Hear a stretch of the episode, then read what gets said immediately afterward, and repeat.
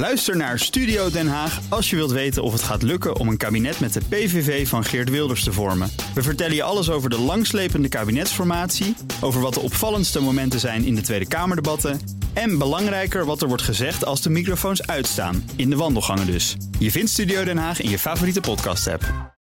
De column van Bernard Hammelburg. In Ierland wonen 5 miljoen Ieren. Bijna 34 miljoen Amerikanen noemen zichzelf trots Iers, inclusief Joe Biden. Deze week komt hij een verkiezingsbelofte na. Tijdens een bezoek aan Ierland gaat hij op bedevaart naar Ballina. Ballina is het plaatsje waar zijn bedovergrootvader vandaan kwam.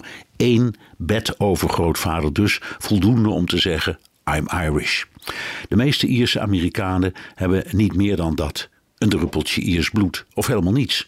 Er zijn zwarte Amerikanen die zich Iers noemen omdat ze Murphy, O'Sullivan of O'Connor heten. Dat zijn dan nazaten van slaven die vaak de naam van hun eigenaar kregen. Het Ierse gevoel leeft enorm onder Amerikanen. Een kroeg is alleen een echte kroeg als er Irish Pub op de gevel staat.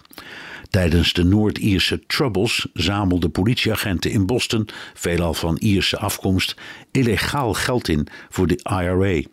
Op St. Patrick's Day, een nationale feestdag, kleurt in Chicago de rivier groen en komt er in de Irish pubs groen bier uit de tap. Er zit in die Ierland-mythe wat vreemds. Al bijna een eeuw is het land strikt neutraal, bleef buiten de Tweede Wereldoorlog en de NAVO. Die neutraliteit gaf nog heel wat hoofdpijn toen het land lid wilde worden van de Europese Unie.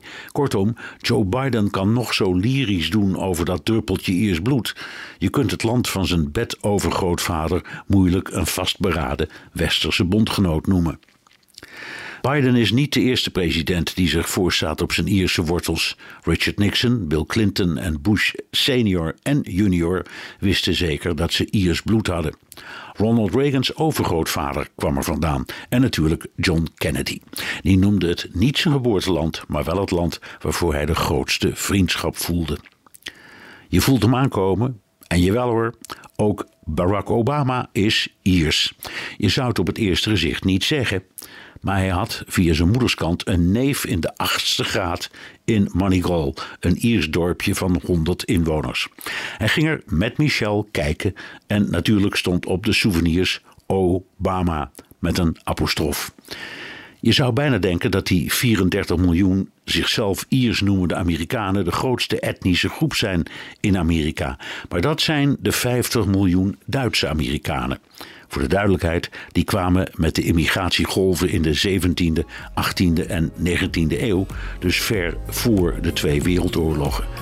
Met name zoals Trump.